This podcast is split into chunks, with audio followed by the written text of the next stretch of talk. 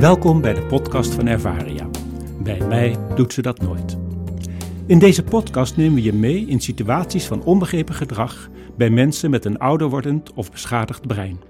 Bijvoorbeeld door dementie. Dit is aflevering 1. Meneer Rawé is enkele weken geleden in de kleinschalige woning voor mensen met dementie komen wonen. Het is wennen, maar stapje voor stapje begint hij zich meer op zijn gemak te voelen. Gelukkig krijgt hij veel steun van zijn vrouw en zijn kinderen, die heel regelmatig bij hem langskomen. En ook zijn kleinkinderen bezoeken hem vaak. Door de nieuwe indrukken is meneer Rawé s'avonds behoorlijk moe, wat hij ook veelvuldig laat blijken. Wilt u slapen? vraagt verzorgende Corrie s'avonds laat. Ja, graag, is het antwoord. Gaat u mee dan? vraagt Corrie verder. Nee, ik ga niet mee. En zo eindigt het gesprek stevast. En Corrie moet uitkijken dat het geen strijd gaat opleveren. Uiteindelijk gaat Corrie in gesprek met de vrouw van meneer Rawé. Ging uw man thuis ook zo moeilijk naar bed? vraagt ze aan haar.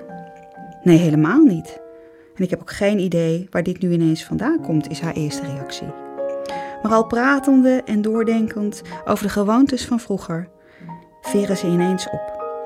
Ik weet nog heel goed, vertelt mevrouw Rawé, dat mijn man altijd als laatste naar bed ging.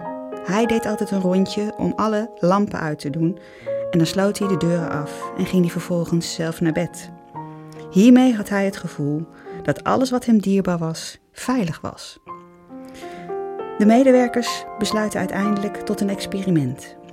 Die avond tegen bedtijd zegt verzorgende Thea tegen meneer Rawé: Ik ben heel erg moe. Ik ga al naar bed. Sluit u zo af. En Thea loopt naar de gang. Meneer Rawé die staat vervolgens op en controleert of de ramen dicht zijn en loopt naar het lichtknopje en schakelt de lampen uit.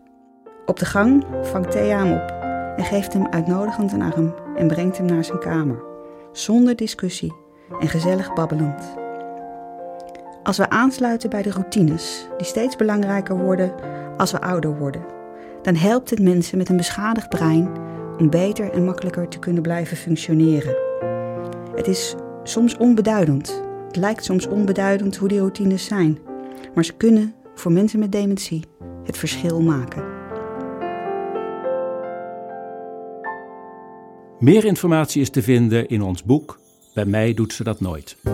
Je kunt ook de website www.ervaria.nl bezoeken of mailen naar info.ervaria.nl. Bedankt voor het luisteren.